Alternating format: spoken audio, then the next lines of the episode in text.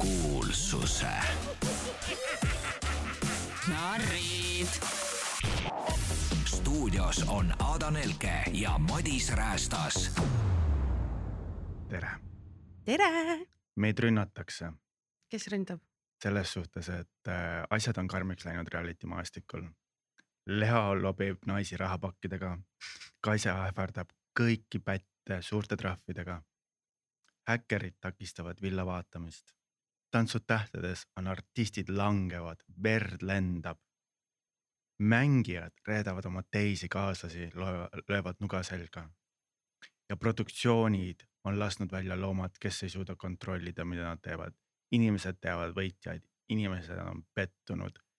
kus on kõik see, miks meid rünnatakse niimoodi ja kõige hullem, miks rünnati sind eile, räägi, mis sul juhtus.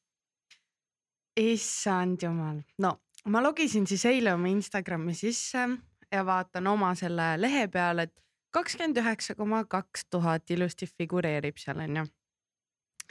ja siis äh, lähen korra Instagrami pealehele ja siis läksin korra tagasi midagi vaatama, kakskümmend kaheksa koma üheksa, ma olin nagu mis skandaali ma nüüd sattunud olen, mis ma teinud olen, ma reaalselt kirjutasin Seidile et kas ma olen midagi väga valesti öelnud või teinud või keegi on mu mingisugused, ma ei tea, mis kirjad kätte saanud.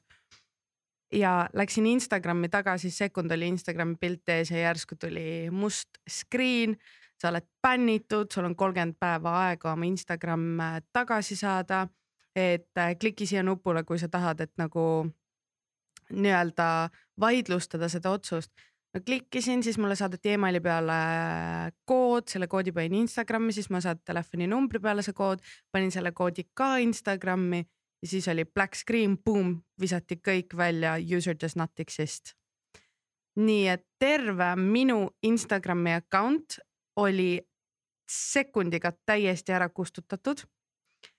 see kõlab dramaatiliselt, aga kui su kogu elu, su suur sissetulek on Instagramis, sul on mitmeid koostöid taga, ma hakkasin nutma, ma hakkasin värisema, ma ei teadnud, mida teha. kuna siin hiljuti päris paljud influencer'id äh, said selle küberrünnaku osaliseks ja ainuke, kes oma konto tagasi sai, oli Desiree Mumm, siis ma juba nägin seda, et nüüd on mu karjääril äh, vesi peal, ma pean kõike hakkama otsast peale sa pead minema. ma pean tööle minema. ja ma hakkasingi, ma kirjutasin kohe Desireele, et Desiree, mida ma teen, ta helistas mulle, kuhu minna, läksin Facebooki meta business sinna kuskile, no mis iganes. mitte kuskilt mu account'i ei leidnud, guugeldasid, ei leidnud, Instagrami üritasid arvutis logida, ei olnud, keegi ei leidnud. Ja järjest hakkas influencer itel troppima neid äh, subscriber eid nagu kärbseid.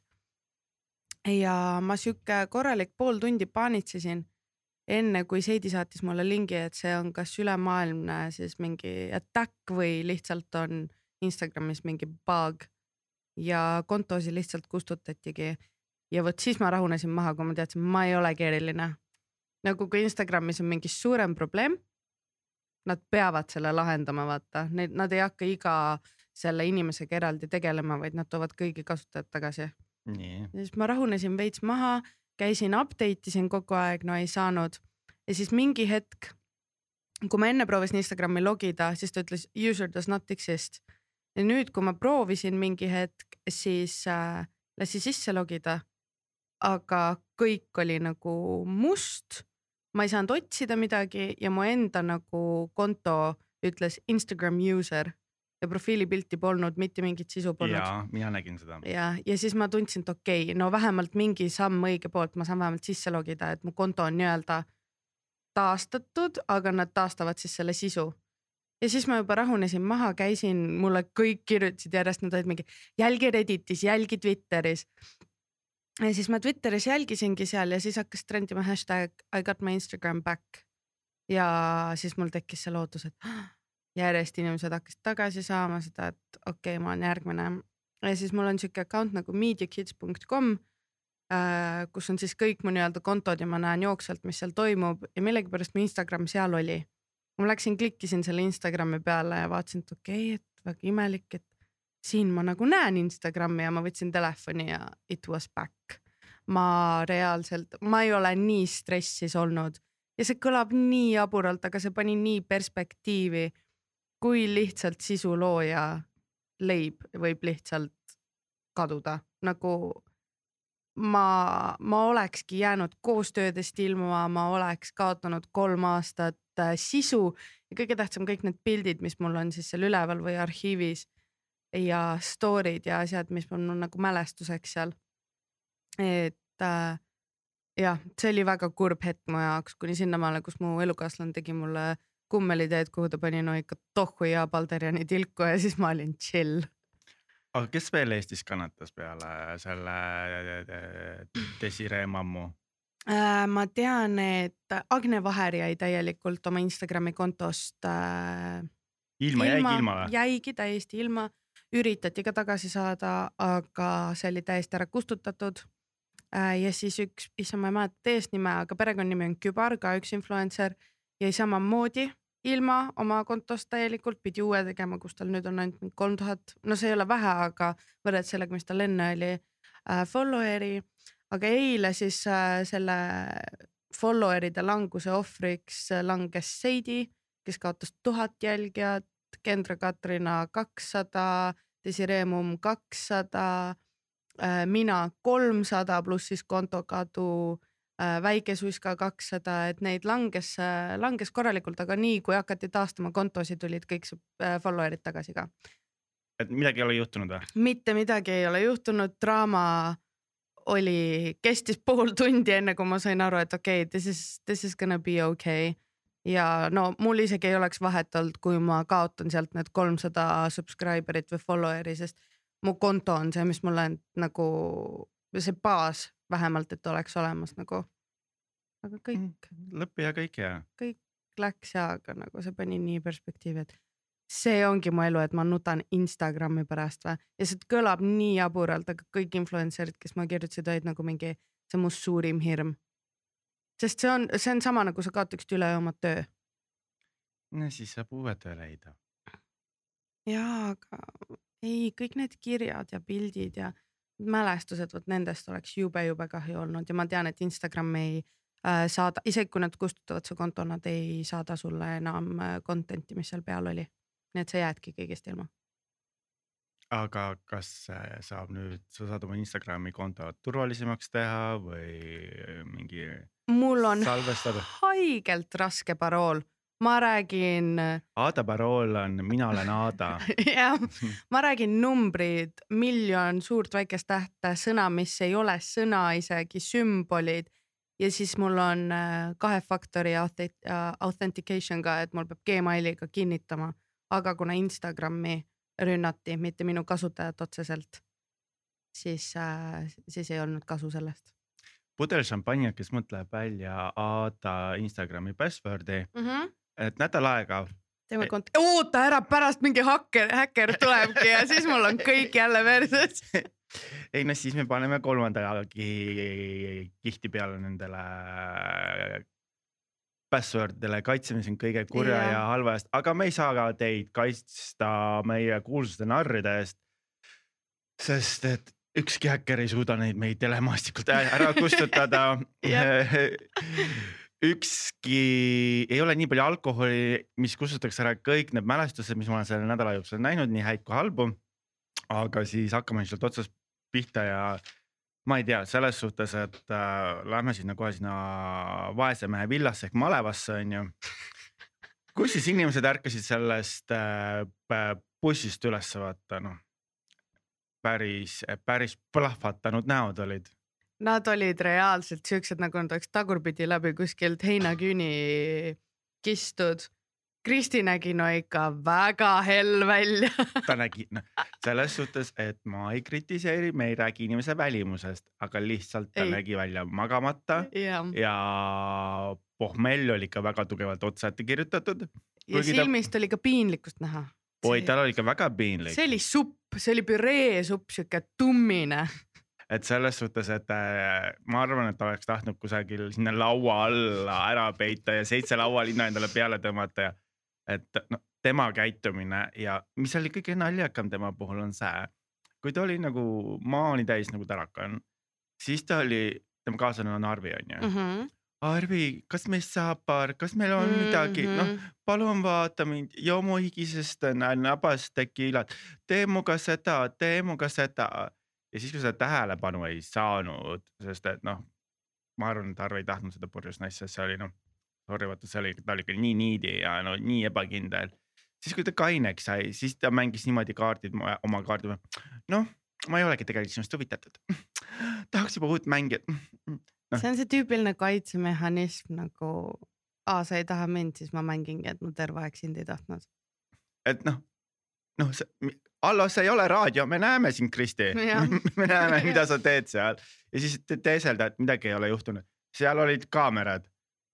Ja inimesed nägid, kuidas sa nagu käitusid. tead, kui kahepalgelisena kogu see sats mulle tundus see hetk, kui küsiti, kas keegi tegi midagi piinlikut ja mitte kellelgi ei olnud sellel hetkel kommenteerida Kristi kohta. kaamerad taga või kaameratesse eraldi küll mainisid, et aa, et liiga hulluks läks või mis iganes. Kristile ei öeldud midagi, aga kui vaene Leho tuli sisse, oma esimene päev paneb pidu, ta sai siukse sita raha endale kaela aga oi, Kristi on ju oma, temale me ei ütle midagi, minu meelest see Kristi käitus kümme korda rõvedamalt kui Leho. ja, sest Leho oli nagu happy drunk, aga jah, ei hakka inisema, et ta kartulit ei saanud. selles suhtes Kristi oli lihtsalt vaimselt ebastabiilne, ebakindel naine, kes, kes otsustas endal tunded välja juua. Topeltstandardid täielikult sajas mind nii ketta nagu. aga üldse hästi naljakas on see, et kõikide saadete puhul need esimene ring inimesi, kes lähevad sisse, nemad mõtlevad, nemad on nüüd see OG on ju. OG ja et noh, noh meie ei kuulu gruppi, Allo, sa oled neli päeva seal olnud ja, ja sa mõtled, et keegi teine tuleb, see ei sobi originaaliga kokku. kuuleta noh. kuule, kui palju äh, meie saate originaalist on reaalselt äh, kuskil saanud ja kui palju mitte, et nagu see, et sa oled OG, ära ole nina püsti nagu et see oli nagu äh, hästi nagu selline ilgelt head arvamused. meie tulime siia esimestena sisse ja see tähendab seda ümber meie keerab maailma. palju õnne, nii ei jõua kaugele, aga meie lemmik Annika on õnnelik. tead, ta on nagu õnnelik siis, kui asjad on tema kontrolli all. ta sai selle Mm, tüübi mm. viia sinna keskkonda, kus tal oli hea olla. tal olid seal oma inimesed, et ta teadis, mis ta teeb, ta nagu kontrollis seda. loomulikult äh, Siimul oli põnev, et noh, mina ei oleks viitsinud seda kummide vilistamist. Sama. et selles suhtes, et ja, ja Annika sai esineda, Annika sai tähelepanu, sai seal autode keskel olla, vehkida oma vihmavarjuga ja teha. minu töö on poseerida autodega. Vau, et selles suhtes sa tassid mehe kuhugi ja siis jätad mehe terveks päevaks üksinda, sest sul on vaja autot poseerida. ei, ma jäingi mõtlema ja mõtlema, et saates natuke hiljem ta veel ütles, see mu elu parim date. halloo, palju sa selle mehega üldse nagu reaalselt koos olid selle date'i jooksul ja palju sa said lihtsalt ilutseda? täpselt, ta sai, ta sai seda, seda tähelepanu kõikidelt ja siis kõik, kõik vaatavad need garaažiinimesed, oo jee. nii et privaatdate on ainult siis hea, kui ta saab tähelepanu ka kõigilt teistelt meestelt. jah, no see ei keri väga, kuigi no Siim tundus olevat õnnelik ja tal ei olnud ühtegi halba sõna öelda, ta ütles väga meeldiv oli. ei tore, et selles Mm. suhtes, et äh, seal, vaata, tead, mis see äh, Siimul tore oli või? siis ta ei pidanud Mm. Annikaga ka koos olema. et ta sai autos ju vaadata. tal oli sellepärast tore, et Annika ei näägutanud. No vähemalt me oleme Annikat nüüd natuke teisest küljest ka näinud, ma arvan, ma ei oleks jaksanud kõik need episoodid vaadata, kuidas ta kedagi sõimab ja tappa lubab. no vahet ei ole, vaikiv naine on alati ilus.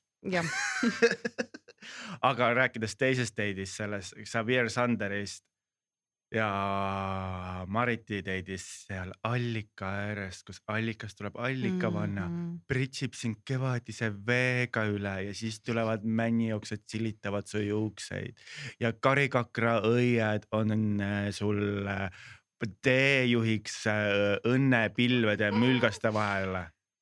no iseenesest ilus date on ju, rahulik, mõnus, aga kui keegi hakkaks mulle siukest kelbast seal poole date'i peal ajama. no ma oleks küll natuke siuke, et okei okay,, ma võin kaasa teha ja seda allikat toitma hakata. aga no kuidagi see kas sa tõsiselt usud, et äh, Xavier Sander on nii looduse laps või? usun küll jaa, ta tundub, ma just ütlesin ka küll seda eile, et ta ei ole sihuke tüüpiline nagu maapoiss, kes on oma autode kallal ja küünealused on äh, õlised ja riided on äh, noh, ka mingi no töömehe riided on ju, et ta on nagu stiilne, ta näeb välja nagu ta oleks linnast. aga see, kuidas ta juba räägib, tead, keda ta meenutas mulle? Viimsest reliikvial, reliikviast Gabrielit, ta räägib täpselt samamoodi, et sihuke ja nii ja nii, et ähm, ja ma usun, et ta on täiesti sihuke looduse laps. Kust ta muidu teaks, et sa pead tead siukseid asju tegema ja siis ta kohe nii südamega äh, Mariti eest hakkas seda allikat seal tänama ja Marit vaid viskas oma leivaampsukest sinna, et no ta näitas äh, Maritile rohkem kui eluallikat. ta näitas ka oma, oma uue elujõudu seal, selles suhtes täiesti suvel, mina ei kujuta ette, ma lähen esimesele romantilisele date'ile ja siis võtan tilli välja ja hüppan vette. Kas see oli nagu tõ- tõestamiseks, et äh, ma olen looduse laps, hüppan looduse rüppesse või ta, ta tahtis külmas vees näidata oma ve- veel väiksemat tilli seal? aga mina vaatasin, et Mariti nägu või Marit, kuidas öeldakse, tema nägu oli sihuke nagu ta oleks seda juba enne näinud. mina hakkasin selle peale mõtlema, et miks ta, reaalselt vaatas seda lihtsalt ja ta oli nii unbothered. okei okay,, võib-olla see on sihuke nagu noh, meil kõigil on, on ju, me kõik oleme niikuinii juba näinud, aga ta võttis seda kuidagi nii chill'ilt.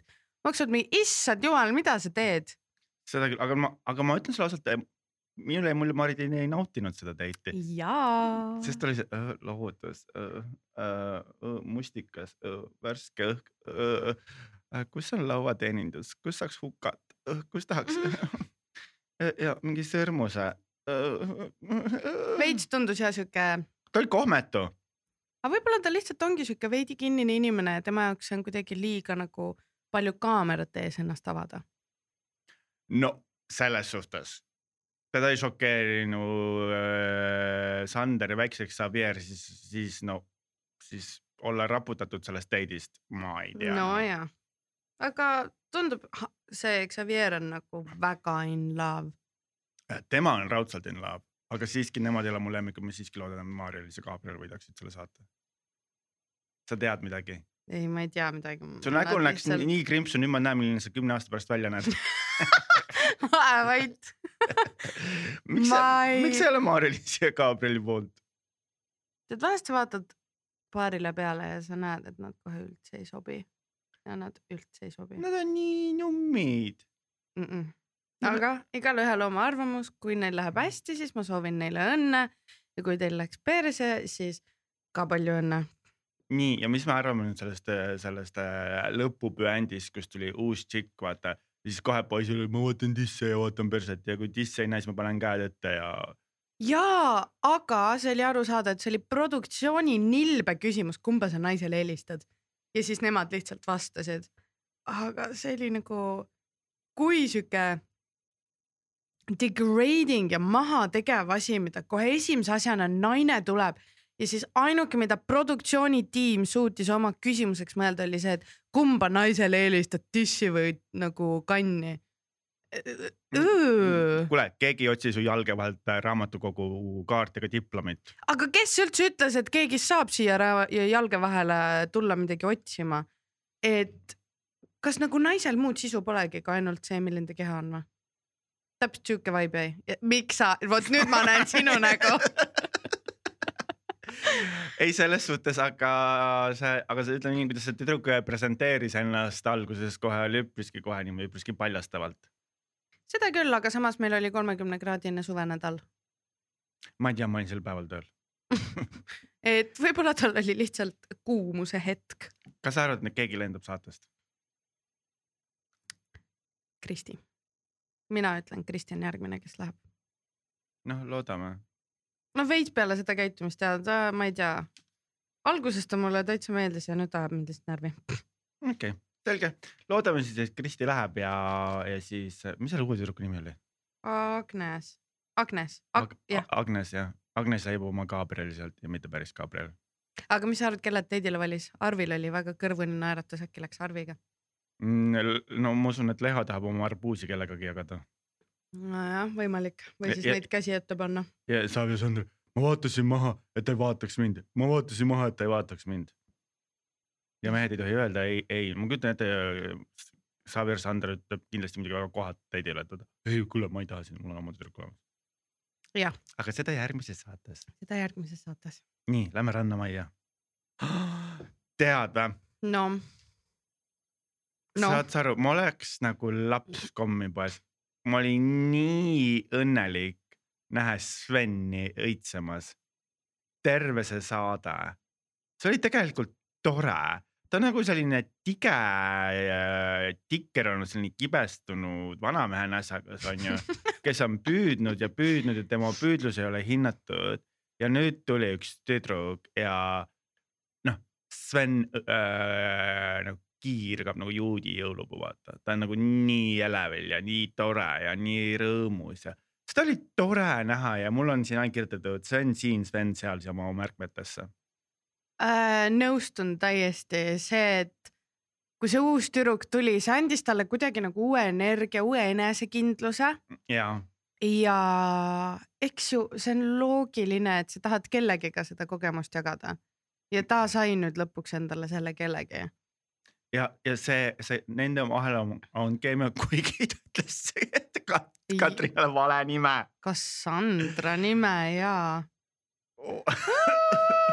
oled sa kunagi kellelegi löönud vale nime? ei, vist ei ole, aga Kristo ütles mulle ka Rannamajas vale nime kogu aeg, ta ei öelnud Ada, ta ütles Ade, Ade hmm nii et. sellepärast äh, mina ei kunagi küsigi teiste nimesid, ma ütlen selline hei sina, mine ära ei sina, tule siia. see on see Rannamaja curse aga Brita, that bitch is jealous nagu. ta võttis ainult sellepärast selle neiu siia, et ta tahtis, et tal ka keegi oleks oh,. Isn't that the whole fucking point nagu? aga see ongi, et inimesed peaksid leidma Rannamajas armastust, mitte ainult suguhaigusi jah, Brita, take notes et selles suhtes, aga kas sa panid tähele siis, kui nad läksid jälle sinna solgitünni onju? Kaspar küsis esimese asjana, trennis käid või? ja mul on kirjas ka see nagu Kaspar, kui pealiskaudne väike jõmm sa nagu oled, et nagu. ah, kas elus muud ei ole või? trennis käid või? Jõusaalis käid või? ja siis oleks, et ja ma olen mõõgavõistlust harrastanud kümme aastat, mina ka. mina ka. mina ka. oota, käid jõusaalis räägime terve õhtu lihtsalt jõusaalis käid või? jah. palju sa pingilt lükkad, palju sa antleid tõstad? et nagu, kas elul mitte midagi muud ei olegi või? et äh, see oli nagu väga-väga-väga. ma arvan, kui keegi Kaspari käest küsiks, mis su lemmikraamat on uh,. mis see raamat on mm.? ta ta on nagu, ta on nii pealiskaudne lihtsalt. aga ta ei oska, aga ta ta ei oska millestki muust rääkida, tal puudub elukogemus ja no offense, kallid noored, on ju, et äh, ma, mina isiklikult tunnen, et inimesed, kes tulevad otse koolist, astuvad nagu elukooli sisse, see ebakindlus tuleb sellest, neil ei ole noh, nad ei ole elu näinud veel ja kui sa satud mingi näiteks kergelt vanemate inimestega, kes on juba natukene noh mootor on juba seda õli põletanud, siis vaata, neil on juba omad ühised sõbrad, ühised mälestused ja siis, kui see noor tuleb sinna punti keskele, siis ta tunneb, et ta nagu kõigest maha jäänud. Mm.. aga ei, et selles suhtes elu toob sulle need kogemused, elu toob need sõbrad, et äh, ärge võrrelge oma kogemusi teiste inimeste kogemustega, las nad tekivad sulle, ära nagu, ärge suruge mingeid asju peale endale. Et noh, et see, mida mina olen teinud äh, oma kuuesaja aasta jooksul, ei pea juhtuma sinuga kolme nädalaga, need asjad juhtuvad sul elu jooksul. Mm. -hmm. Ja, ja need inimesed sinu ümber tulevad sulle ümber, lähevad su ümber ja need tekitavad lõpuks selle, selle keskkonna, kus sa elad. miks on üldse nii suur soov samastuda, olegi sina, autentselt sina, ole eriline, ole siis kas asjadega ees või maas, no mis vahet sellel on? sul on kindlasti mõni palju ägedam kogemus, mida keegi teine kes võib-olla on sinust vanem, ei ole kogenud, et ära üle kompenseeri. täpselt. nii, aga seal kuumas tünnisaunas äh, vahetasid äh, Brita ja Krissu ka suudlusi, aga sa nägid, kui tigedaks Eerik läks või? sina magad äh, õues täna. ja, aga Brita probleem oli seepärast oli huulepõlk oli peal. jah, ei, aga mina saan Eerikust täiesti aru, et kui sa oled ikka kellegagi koos, siis ei ole vahet kumba sugu sa nagu suudled, see on veits nasty, have some respect for yourself ja teisele oh,. kuule, ema Theresa, pane oma nunnarüü nüüd äh, kloostrisse. ei, mind täiega I don't like it. aga ma saan aru, mingi sihuke, aga et sa lähed reaalselt tatti panema. Nad ei lakkunud üksteist, nad isegi lükanud, keeled käisid, mis nad ei lakkunud. seal ei käinud mingit keeli. tegi siin, siin mannetu musi. OnlyFansis näeb ka rohkem. no võib-olla, võib-olla ma kujutasin siis ette, ma ei tea Instagramis. näeb ka rohkem, aga no see oli jälle selle, oh my god, oleme äksad, nüüd on mõlemad raudselt pannud endale kusagile story'sse, me oleme biseksuaalid. jah, see on see typical. ma olen ise ka seda rada kunagi läinud, enne kui ma sain aru, et ma ei ole biseksuaal, ma olen lihtsalt tüdrukutega musi teinud. noh, kuule, mis värk selle, selle sitakontrolliga oli? kõige naljakam on see, ühelgi tüdrukul ei kõlba nõusi pesta, kus on võib-olla natukene sousti peal ja natukene kartuleid. Kristi, pane tähele, kusagil on mustad taldrikud ja seal on toitu peal, jookse sinna. aga, aga näppupidi sitapoti sees käia on jumasta mõnus, käia vaadata, kuhu keegi on äh, oma kuseloigud jätnud äh,, kakki koristamata, seal võis näppudega sees olla, aga kraanikausis nõusi pesta on nii disgusting. palun üldse seleta mulle, miks on täiskasvanutel vaja WC kasutusjuhendit. Kuhu ma sattunud olen nagu? ma ei tea selles suhtes, et kas ma päris tõsiselt, see on WC politsei, iga kord kui keegi vetsust käib, siis tulen nagu õpet-, kas sa lasid vee peale, kas sa pühkisid, kas sa ikka kusesid mööda, kas sa ikka kõik triibud on läinud. selles suhtes, see on nagu elementaarne, et see nagu. kui sa kui sa oma lapsed ikka basseini visanud, siis vaata, et nad äh, noh, et nad sealt kuidagi ära kadunud on või ma ei tea.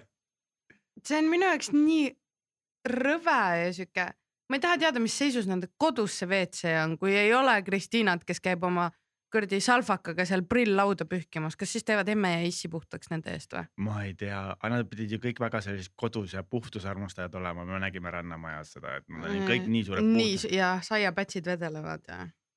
ja siis me tahtsime, tulles tagasi natukene sealt, sealt äh, uuest tõsielusarjast Sitamajast välja tuleme tagasi Rannamaja tegemiste juurde, siis minu jaoks oli hästi naljakas, ma olen nii vulgaarne. Katrin ütles, ta ei ole mingi nii suure asja otsas äh, ratsutanud, aga siis ma mõtlesin, ta peab ju Sveni ette võtma.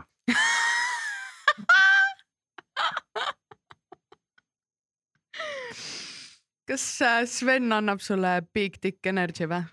ei, sellest pikka kasvu mees selles suhtes, et kui, kui naise sülle võtab, siis nagu kui, kui, kui päkad maha ei astu, siis sa oled kõrgel. see date oli minu jaoks nii awkward. Sorry, aga see oli awkward. seisavad seal, kui mitu korda see, mis Katrina või, jah, ütles, issand, kui suur see on, see on nii hirmus. Selle saaks kõik nii haigelt kontekstist välja võtta ja Jaa. Tiktoki sound'id peale panna ja, lihtsalt. ja, ja täpselt, et Sven, Sveni pilt sinna juurde, nii suur, nii hirmus. aga kas Sven oli džentelmen? vägagi, ma olin nagu üllatunud ja positiivselt nagu niimoodi noh, tagasi võetud, oo, sa aitad naise hobuse selga, hobus seljast maha, sa viisakalt tänad neid hobusetüdrukuid, kes teiega seal kaasas käisid ja väga-väga hea mulje jättis. ei, Sven oli super tore, et mul oli nagu väga-väga hea meel ja siis, aga noh, ütleme niimoodi, ei ole head ilma halvata ja siis tuli see õhtusöök. mis siis sinu kõige parem mulje oli sellest Rannamajas olles? Nad räägivad, et nad on seal Rannamajas olnud juba kuus aastat ja seitse päeva. ja siis noh, ma saaks aru, kui ütleksite, et teiega kohtumine, uute sõprade leidmine. ei, minu lemmik on Eeriku risoto.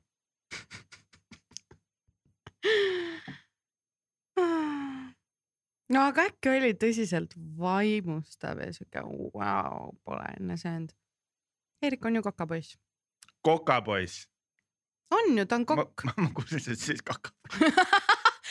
no aga oh, me saime teada, kes neid vetsutriipe jätab sinna. aga ja, ja siis loomulikult see, see, mis mi- minu see väga selline kummaline vestlus oli see Brita ja Kaspari date, kus Brita ütleb, ma ei tahtnud petta oma elukaaslast, see lihtsalt juhtus kuidas see lihtsalt juhtub, lihtsalt kukkusid otsa või? korduvalt. et äh, siuksed asjad ei juhtu lihtsalt, ei Ei. saa süüdistada alkoholi. ei, selles suhtes, no see kõlas umbes niimoodi ja ma käisin äh, Rimis toidupoes ja siis järsku oli mul seelik üle pea ja ma olin oma meest petnud. Mm. seda räägi jõuluvanale seda juttu. ma muidu terve suhe olin nii lojaalne ja siis, kui ma selle upsaka ära tegin, siis ma pidin talle kohe rääkima, sest ma olin süümekad. As a decent fucking human would do nagu.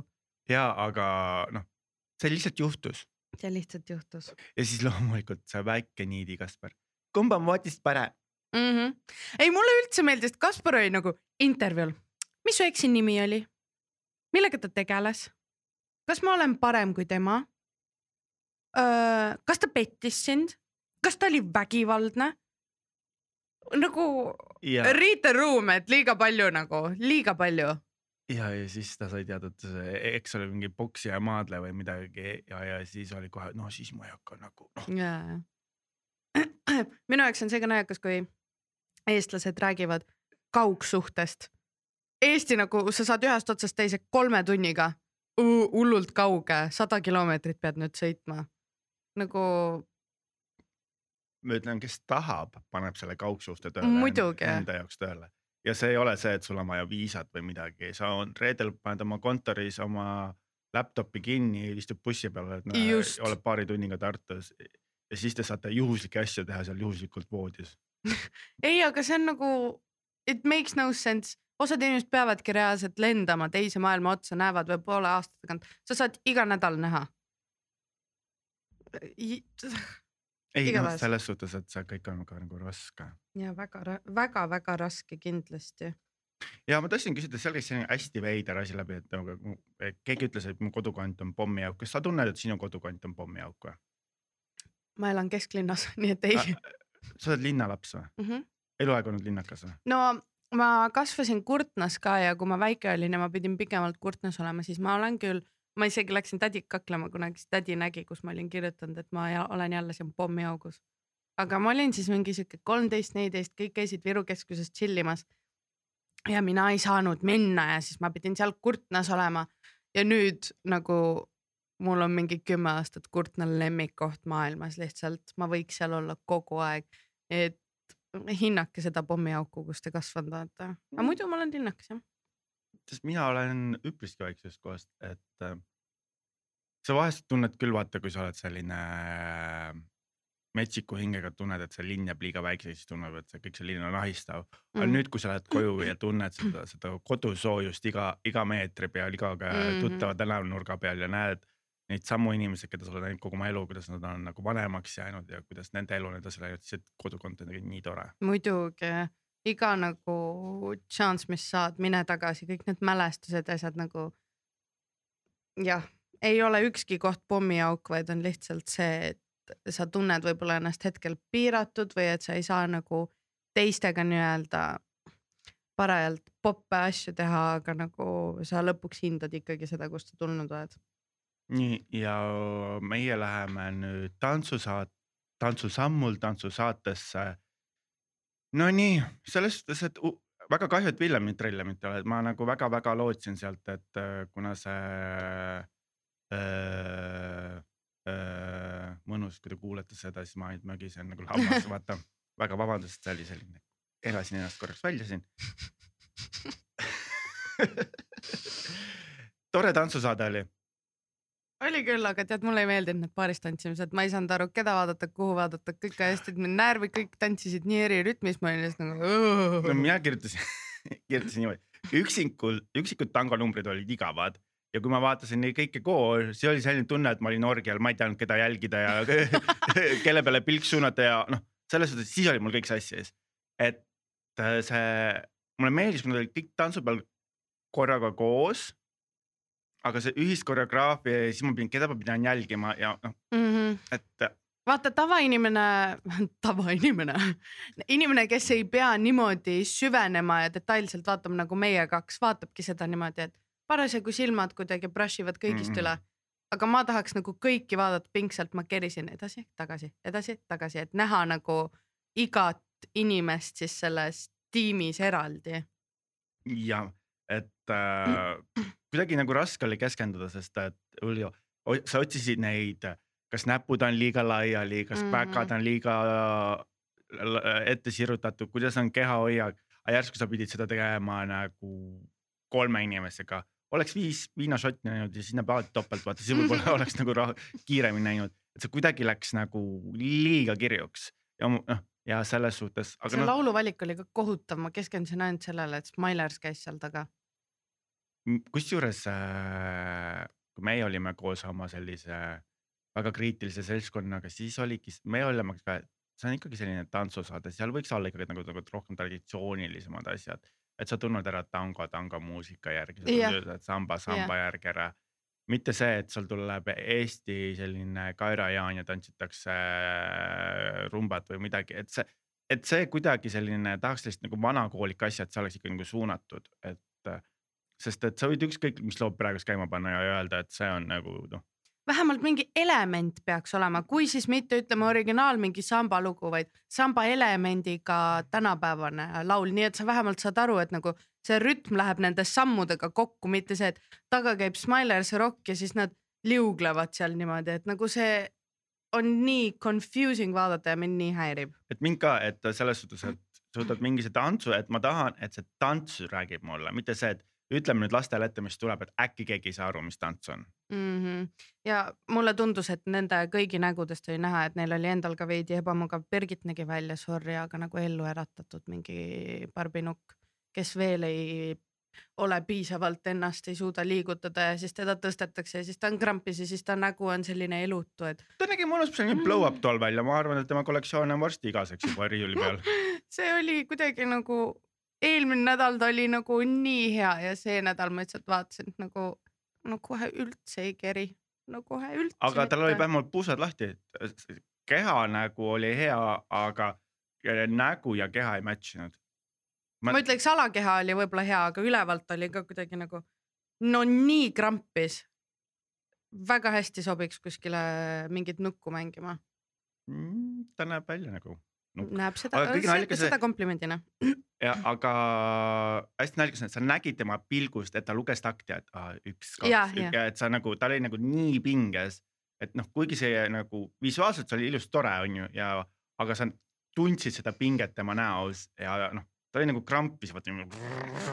seesama sihuke nii-öelda taktikas just lugemine, aga seda on Jüri näost ka näha, kuidas ta, ta on nii keskendunud sellele, et mis samm nüüd järgmine on ja et ta midagi pekki ei keeraks, et tal on kogu aeg selline kuidagi väga intensiivne ja sihuke kuri nägu, võib-olla see oli selle tantsu point, aga ta nägi välja nagu tal oleks kõht kinni olnud kaks ei no nädalat. Jüril on siiamaani hirm, et ta, tema tantsupartneriks on Kaja Kallas ja ta peab ja siis ta peab hoidma sellist noh pinget, vaata selline Riigikogu ees, et selles suhtes.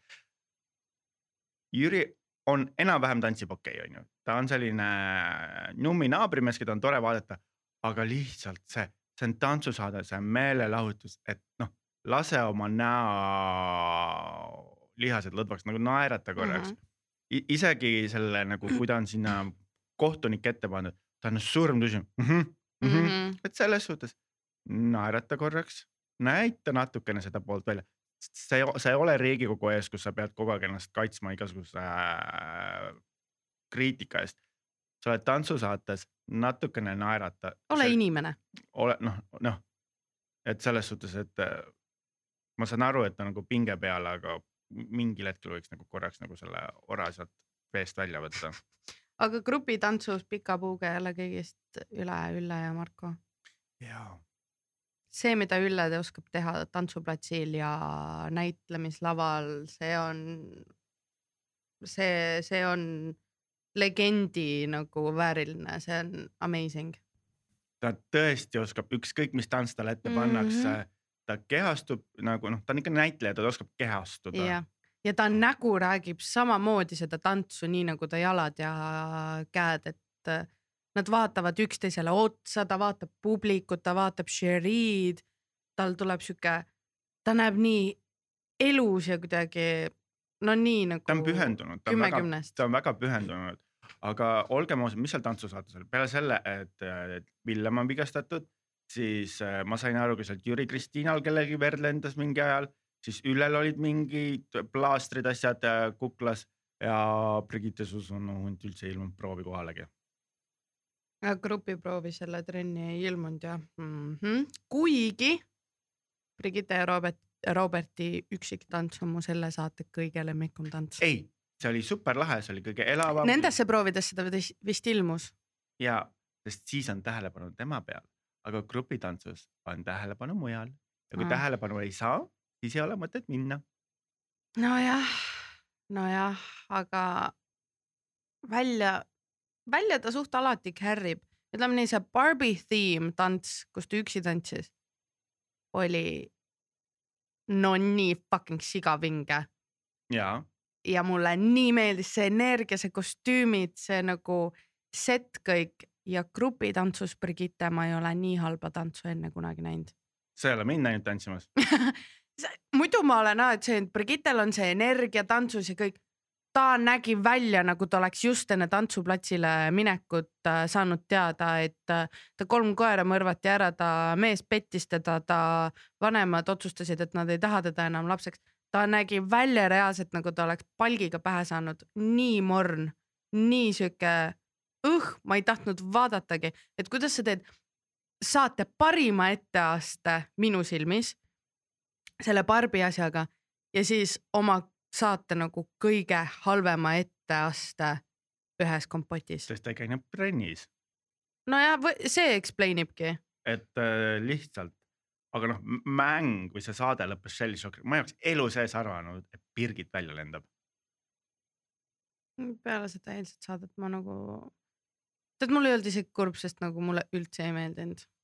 ma võib-olla olin natuke šokis, tema, sest ma iga saade imestan, see kõlab nii halvasti, aga et see Ruslan ja tema partner ikka seal on, ma vaataks nagu isa ja tütart tantsimas ja siis nad mängivad abielupaari ja seda on no, nii kuidagi, mul on ebamugav vaadata. aga vot läks, läks nii, et Birgit läks välja aga. Birgit oli üsna šokeeritud ise ka. paistis küll jah põhimõtteliselt võitis eelmise saate nii edukalt. mm. -hmm. see näitab seda, kui ebastabiilne on elu. ja, ja nagu me saime teada, siis et äh, Villem Trillem ei tulegi enam tagasi. nüüd tuleb mingi hall eesel hoopis saatesse tagasi. vihkan seda, see idee, rämedalt vihkan seda. Need inimesed on vihtunud proove teha ja võistelnud Jah. nii palju ja siis tuleb mingi poole saate peal mingi tüüp ja, või naine või god knows on ju. ja võib-olla ta võidab ära, sest tal on kõige rohkem energiat, see on kõige mõnus. Kõik jooksevad maratoni ja siis enne sadat meetrit, paneme ühe inimese nüüd siia ja las ta siis võidab. et selles suhtes, et see oleks, see on ebaaus. ma saaks, ma saaksin aru, kui see oleks mingi näiteks selline asi oleks nagu, nagu kaadritagune tantsuvõistlus, kus nagu kohtunud annavad kaadri taga talle nagu punkte, et ta oleks nagu kõik neli saadet kusagil kaadri taga tantsinud. aga ta on pääsenud juba neljast saatest või viiest saatest, ta ei ole pidanud tantsima ja nüüd tuleb põhimõtteliselt vi, vi, viimase vi, viisiku juurde ja lihtsalt jah, uue võhmaga lendab peale. jah, ebaaus. sa vihjetest natuke said aru, et kes see olla võiks või? keegi, kes on abielus ja kelle abielutants ei olnud traditsiooniline. see ei ütle nagu mulle mitte midagi, ma ei jälgi teiste inimese abielusid nagu. ei no ma arvan seda, et äh, tänapäeva Eestil kõik peavad olla nii unikaalsed, nii erilised, et selles suhtes, et äh, ei tea no eks me järgmine nädal näeme, mis seal toimuma hakkab. kindlasti ja nüüd vaatame. Vaatame Brigitte teisi äh, etteasteid valalises kaunitaris. jah, no paps ja seitse pelmeeni hakkasid laulma hommikul. Erki sai jälle laulda jah, ja vähemalt ei laidetud maha, nüüd lubati Erkil laulda. tead, mina ütleks sellest seltskonnast kõige paremini laulis Ahti, mitte Erki, aga Erki kindlasti arvab, et tema. no Erki on ikka seltskonna hing, talle meeldib laulda ja kõik. Minu hinge ta imeks küll välja. alati karjuvad need kõige rohkemad, kes ei oska karjuda. just. ja grupitäit lendas kohe seal peale. ja see grupitäit, see oli fantastiline. esiteks ma tahaks öelda, et Emmanuel jällegi taas super ebaviisakas Mm -hmm. sind ei valitud sinna autosse ja sa ometi paned selle auto seisma ja ronid sinna autosse, segad vahele, sa segad igale date'ile vahele ja siis, kui sulle sisse sõidetakse, sa nagu lausa ründad, oled ebaviisakas ja ütled, et kuidas sa julged minu aega sisse tulla Mm. ta on juba mitmendat saadet järjest segab absoluutselt igale poole vahele. kust ta võtab siis selle jultumuse? Kaspar händlis selle väga ilusti ja kuidagi mehelikult ja rahulikult, et hei, nii nagu Brigitte ütles, me oleme siin, sa oled mu sõber, aga hetkel on minu hetk ja ma naudin seda hetke ja ma eelistaks, kui sina sellest hetkeks, hetkest lahkuksid. ja aga siiski, et selles suhtes, et teistel on ilgelt hea nagu puid alla pannakse, kui endale puid alla pannakse, siis ollakse nagu kohutav ohver ja kannataja ja. jah, aga Emmanueli plan backfire'is sellepärast, et äh, ta hakkas kohe Kasparit vaatama kui enesekindlat meest ja tahtis sülle ronida ja kui sülle ronida teiste ees ei saanud, siis nad hoidsid armsalt käsi kinni seal autos. see oli nunnu. see oli nunnu, see, nad sobivad nii hästi.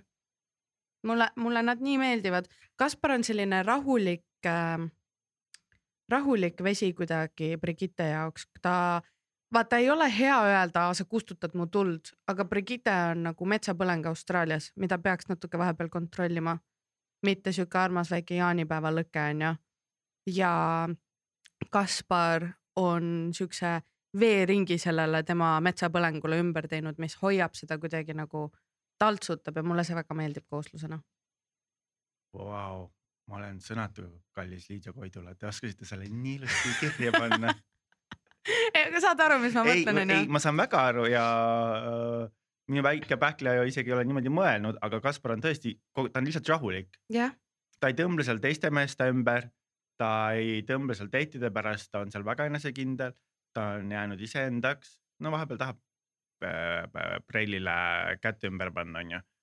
et aga siis ta ütleb, et ei, ei, me ei saa näidata seda veel kõike välja. jah, aga vaata, ta on selline rahulik ja kõike aga temas on ka seksikiisu peidus, kui post antakse talle. täiesti. haige, kui hea see oli.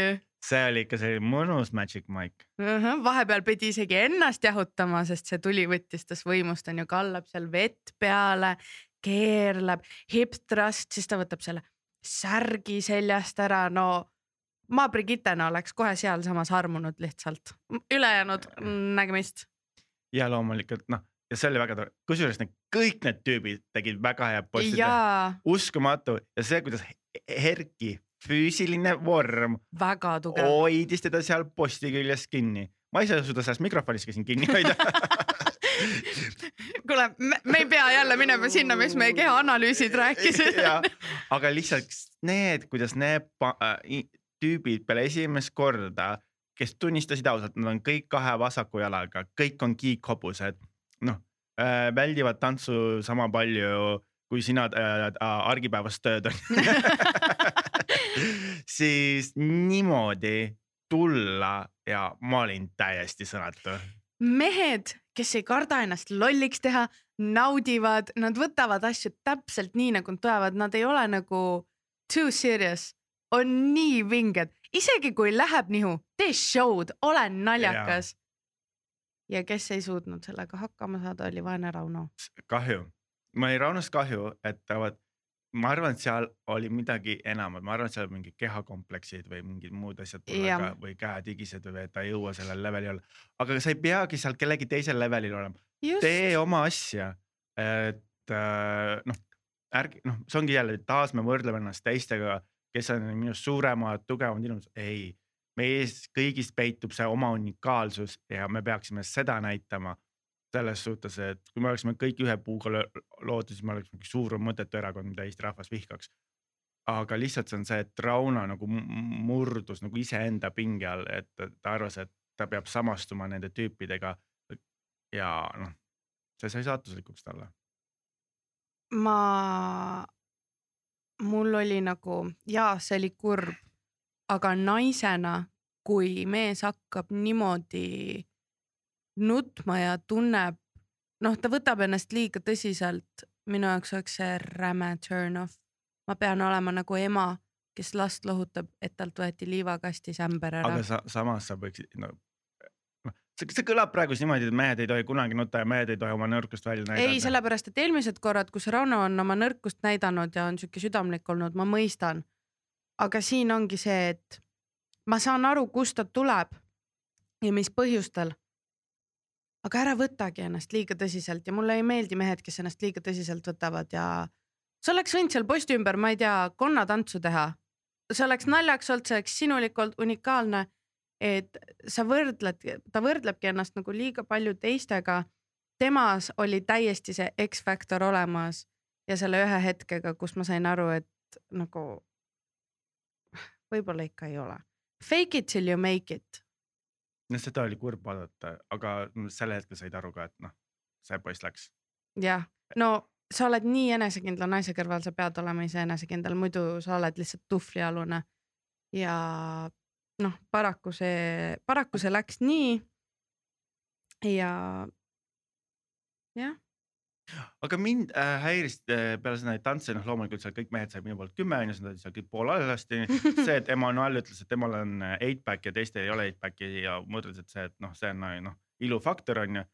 mind hämmastas kõige rohkem see, mida need produ-, produktsioonimeeskond tegi, et justkui mingi osa jäi vahele, järsku olid äh, Hendrik ja Brigitte autos.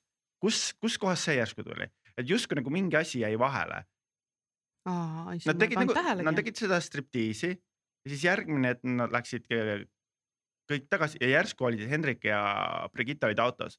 et kuidas, kuidas ta valis selle, kuigi ta valis ju, valis ju Kaspari võitjana ja nad läksid veel eraldi date'ile Kaspariga. ja, ja siis ta oli järsku aa, Hendriku, oli jaa. et noh, kuidas see juhtus, et ja üks hetk nad räägivad autos, et aa, sa oled kihlatud olnud või suhetest. ja, ja, ja, et noh ja siis räägitakse see, et me leppisime midagi kokku, et me ei tee kusagil musi.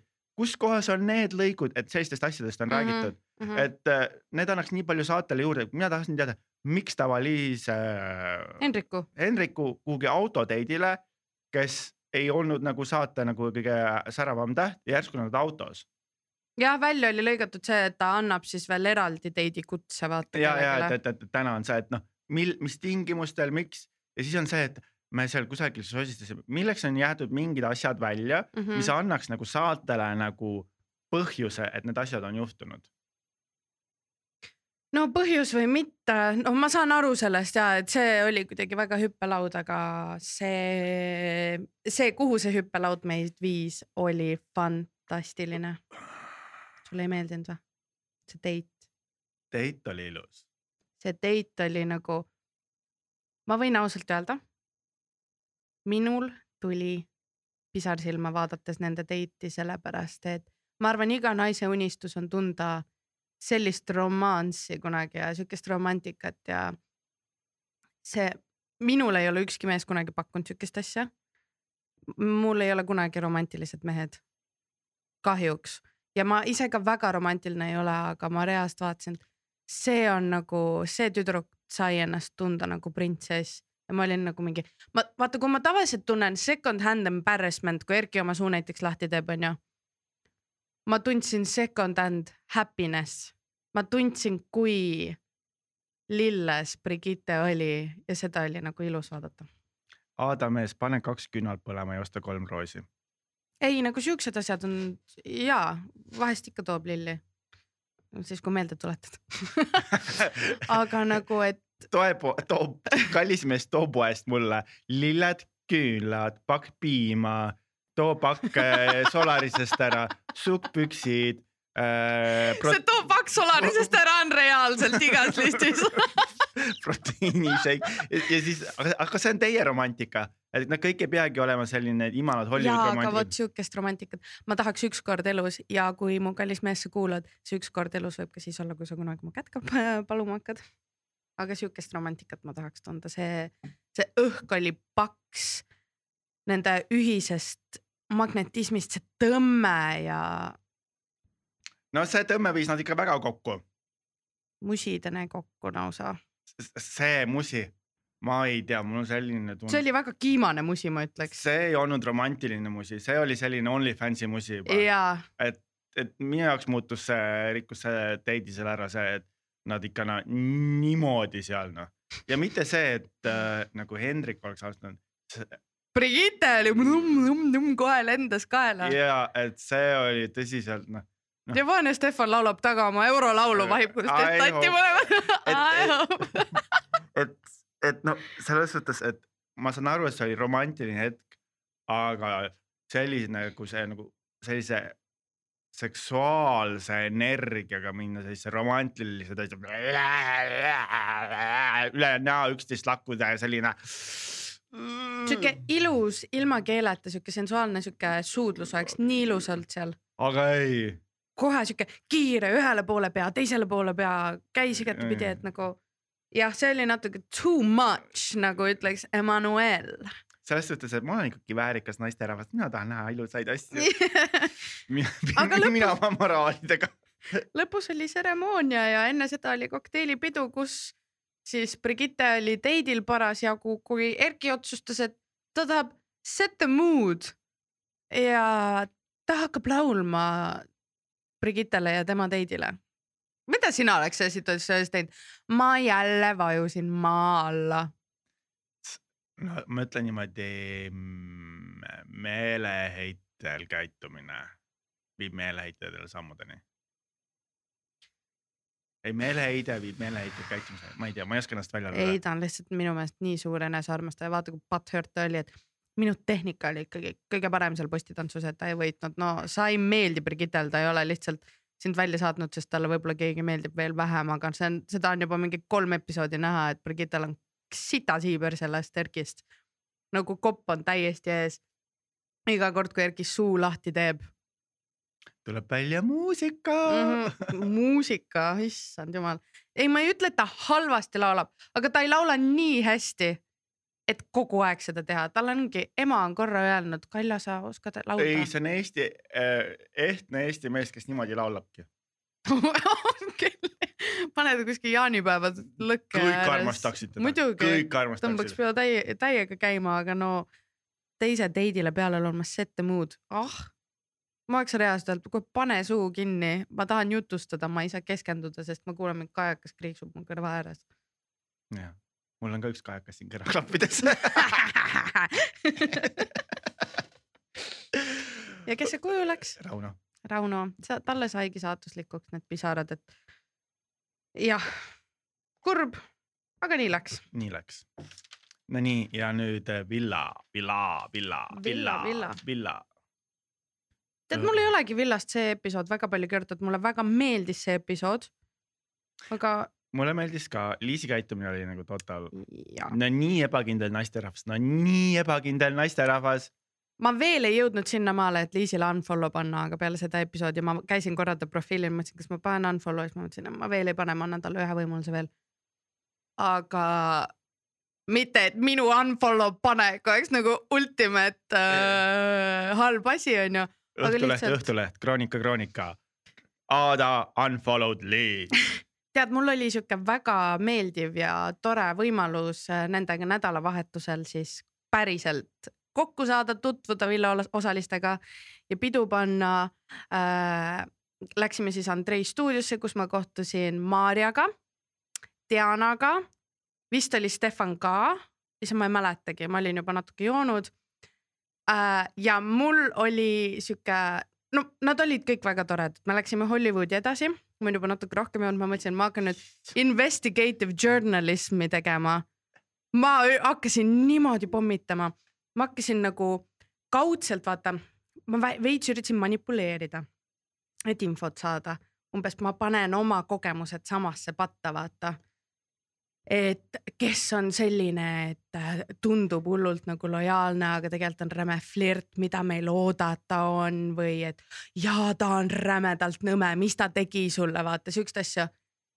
Ei andnud keegi mulle mitte mingit informatsiooni, ta on väga hästi meedia koolitatud, nagu Andrei ja Robin, te olete selle lepingu ikka väga vingeks teinud, et seal on mingi sajatuhandesed trahvid vist kirjas. mitte keegi väga, no natukene, ma ei saanud siukest nagu definiivset siukest, issand see pole sõna definite, ma ei saanud siukest kindlat siseinfot. aga ma sain nagu natukene gossip'it ja tea'd. Aga kõik inimesed olid muidu väga toredad, välja arvatud üks, kellega ma isegi ei rääkinud midagi, kes saates mulle väga meeldis ja enam ma ei suuda seda härrasmeest niimoodi vaadata, sest ta lihtsalt kõndis terve aeg nina püsti, ta vaatas kõiki siukse näoga, et ah, teie olete umbes alamad. Mm,. ei, muidu kõik väga toredad, Liisi ma seal ei näinud, ma ei tea, kas ta oleks ka mingit äh, draamat startima ei ta hakanud, kusagil mujal telekat vaatamas, no tal oli uusi uusi vaja. aga lähme villasse tagasi. Villa rahvas, te olete väga tubli töö teinud, et te ei lasknud äh, minu äh, äh, nii-öelda investigative journalism, journalism Ajakirjandusel ja ajakirjandusel endale kuidagi pähe hakata, onju, vaid te jäite endale kindlaks. Ma teinekord enam ei ürita, sest niikuinii te mulle midagi ei anna sealt. et noh, võtame nüüd siis lihtsalt, Katriini käitumine oli kohutav. selles suhtes ta ütleb, et Kaido on pinnapealne, Kaido on nagu, see, kuidas Kaido seda kirjeldas, Kaido on alati nagu viisakas olnud, nagu aidanud. et minu arust on see väga viisakas, kui keegi unustab prillid maha või sa palud midagi, sa tood.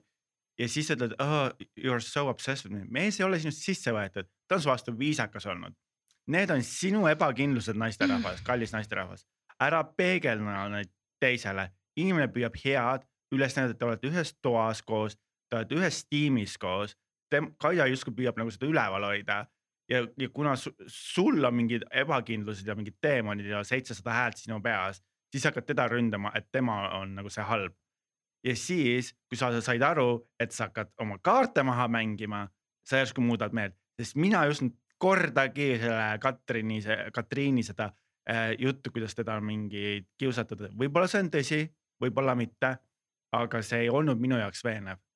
et selles suhtes, et kui ta hakkas aru saama, et Kaido võib valida Diana, siis millegipärast toimus selline kiire-kiire meelemuutus ja pisarad ja pisarad, et noh, noh raha hakkas käest kaduma. mm. -hmm.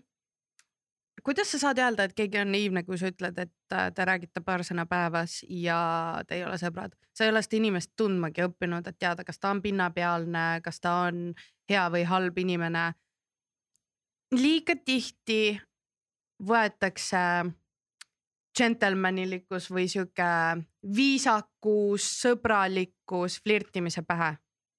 Mina olen liiga sõbralik tihti nagu inimeste jaoks liiga sõbralik, ma olen hästi viisakas, ma mingi panen käe õla peale, ma jutustan, ma naeran, ma küsin nende kohta, kõik arvavad, ma olen räme flirt, väike Kristo arvas ka seda Rannamajas on ju, et mina teda hullult tahan.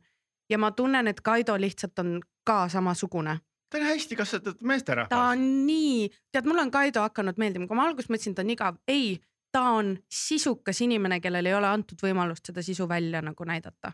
täpselt, selles suhtes mulle väga nagu väga-väga Kaido käitumine meeldis ja nagu ta oli nagu väga põhjendatud, mitte see, mul ei ole sinuga midagi rääkida. sa oled nii nõme, nii pinnapealne.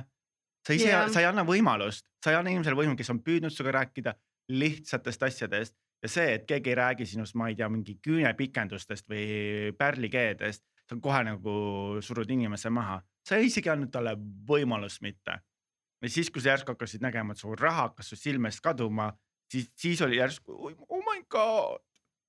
see oli jah, kuidagi nagu, ole, see on nagu once in a lifetime opportunity, kui mina oleks kellegiga ühes toas villas, kelle vastu mul ei ole seksuaalset tõmmet, sellest inimeseks, sellest inimesest saaks automaatselt minu parim sõber. jah, ma võtaks, meil tekiks sihuke bond, et nagu jaa, meil ei ole tõmmet üksteise vastu. aga fucking love you, me oleme selles koos, me teeme selle ära ja. sa, sa, sa lähed sinna saatesse, see on once in a lifetime opportunity. saad mingeid vandenõusid teha ja kuidas seda mängu võita ja kokku leppida asju, et ükskõik mida. et ära arva nagu jah, et kuidagi sinuga flirditakse või üritatakse, Kaido on nii mõmmiku siukse iseloomuga, tundub no nii hea inimene. ta lihtsalt üritab sulle seda headust anda ja võib-olla sa ei ole harjunud sellega. võib-olla Mm. mehed kasutavadki kuidagi ära või on sinuga halvasti käitunud, aga see, et isegi võimalust ei andnud, tead, see natuke mind väga, no See- mitte isegi natuke, see väga häiris. see oli kurb ja et äh, üks halb kogemus ei tähenda seda, et, et kõik teised on halvad. ja, aga mulle üldse tundus, et kogu see maja hakkas veidikene seal lagunema, paarid hakkavad Käärib, murenema. aga mina saan täiesti Arnesest aru, et sa oled kakskümmend neli H nende inimestega koos ja sa vahepeal tahad lihtsalt ennast välja lülitada Jah. ja seda kohta ei ole. ja siis ongi see nagu nurka surutud loom, sa nagu noh, saad tigedaks ja sul ei ole seda nagu võimalust oma seda ennast välja elada, sa kogu aeg seal koos, koos, koos, koos, koos ja sa ei saa oma mõtteid koguda ja noh, mina nagu. tahaks ka onju. ei, no selles mõttes mina mäletan oma paari saates, ma ühe hetkel ka nagu täiesti mul katus sõitis ära vaata siis ma läksin Mm. Kristjanile kallale. et, jah, et see lihtsalt ongi see, et sul ei ole seda hetke iseenda jaoks. kõik, mis sa ju teed, on isegi kui sa oled üksi, sa ei ole üksi, et ma saan aru, aga ma arvan, et miks Liis tegi sellest nii suure draama, kahjuks on minule vähemalt tundub, et Liis on väga ebakindel inimene. ta meigib ennast iga hommik, sa oled Türgi päikese all, võta päikest, sa pruuniks ei, kõik meik ilusti peale, see, et ta on väga kaitsev ja territoriaalne. kõik siuksed asjad näitab, et ta on nii ilus tüdruk, aga millegipärast tal on sihuke ebakindlus või kompleks, et nagu see kõik võidakse talt sekundiga ära võtta. et lihtsalt relax'i, asjad lähevad nii, nagu nad peavad minema. ja võta vabalt, aga tundub, et Arles, Arlesele väga ei istu see käitumine, ta on sihuke loksuvate vete peal. Nad on kõik seal loksuvate vete peal. jah, välja arvatud Frank ja Annabel, mulle tundub. jah, ja no ma ütlen, et Robin ja Kaisa ei jäänud ka eriti millegagi silma. no nad on, nad on vot selline couple, et kui sa oledki mit-, nagu sa ei taha üksteist seksuaalselt, sa oled lihtsalt let's be buddies, oleme Mm, mm, mm. väga head sõbrad ja nemad on sellised ja ei ei seal ei aidanud ei suled ega õlid ega jääkuubikud, ei olnud seal telki püsti ega koopad lahti. mis sa arvasid nendest mängudest? ei midagi erilist, mida ma kodus iga õhtu ei teeks. aa, minu meelest oli äge vaadata, et kuidas inimesed reageerivad äh,, millised nende kehakeeled on, kui nad peavad äh, teistele, kes ei ole nende partner, et äkki sa vaatad silmaga niimoodi näed ära, et kelle vahel võib olla tõmme. ja põnev oli vaadata ja siis läks asi mänguks, et äh, Nad oleks võinud panna, nii kahju, et neil see ümber nagu augu ainult käis, no ole, oleks võinud mehesugu elundid ka sinna paika panna, vaata. issand, kus on PG-13, seda sa võid vaadata OnlyFansist ei no selles suhtes, kui, kui nad panete sinna naise suguelundid ja siis. aa, see mäng, ma mõtlesin, et sa räägid sellel hetkel, kui nad õlitavad ei, üksteist seal, et siis ei, oleks võinud mees panna ka selle sinna auku. ei, ei, ei, ma mõtlen mängu koha pealt, nad oleks võinud võtta nagu mõlemad, et kas- nad tunnevad Jah., mitte ainult nagu naise seisukoha pealt, et noh, see oleks natukene põnev olnud. Äh, jah, aga vaat põnev oli ka näha seda, et kas mehed ikka päriselt teavad, kus mis on. Ladina keeles. see ladina keeles, see on nii tavaline, see on nagu sa inglise räägid keeles oma sama. kalli abikaasaga ladina keeles. ei, aga sa ju tead, mis asi on urethra, see on inglise keeles öö, pissiauk. sa tead, mis asi on laabia? ja sa tead, mida tähendab sõna minora või majora? ei vä? ma ei tea. mina teadsin täpselt, no ma olen naine, ma olen õppinud medõeks onju, minu jaoks oli väga lihtne äh,. Suht hästi said inimesed hakkama, üllatas mind, et Frank päris palju puusse pani, ise on siuke sugumürsk onju noh, teil ei ole aega õppida neid käib poksiringis. ah,. jah, nii. käib boksi ringis, ei muidu oli fun mäng ja. kes välja läheb sinu arvates? Katriin või Diana?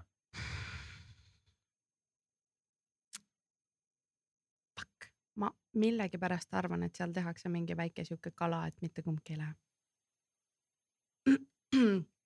mul on sihuke tunne, et võti on ühe augus, aga öeldakse, et Diana, sa ei pea minema, sest tuleb uus näiteks ja on mees. ja te lähete automaatselt paar-, mingi sihuke kogu. aeg peab olema minu arust äh, paarite arv inimesi, see on pinge suurem. Mm, no seda küll ja, aga ma ei tea, mul on sihuke tunne, et keegi ei lähe, kui läheb, siis Katriin. ma tahan ka, et Katriin ära läheb. Ma üldse, ma otseselt ei taha, et ta läheb, aga mul on tunne, et ta läheb.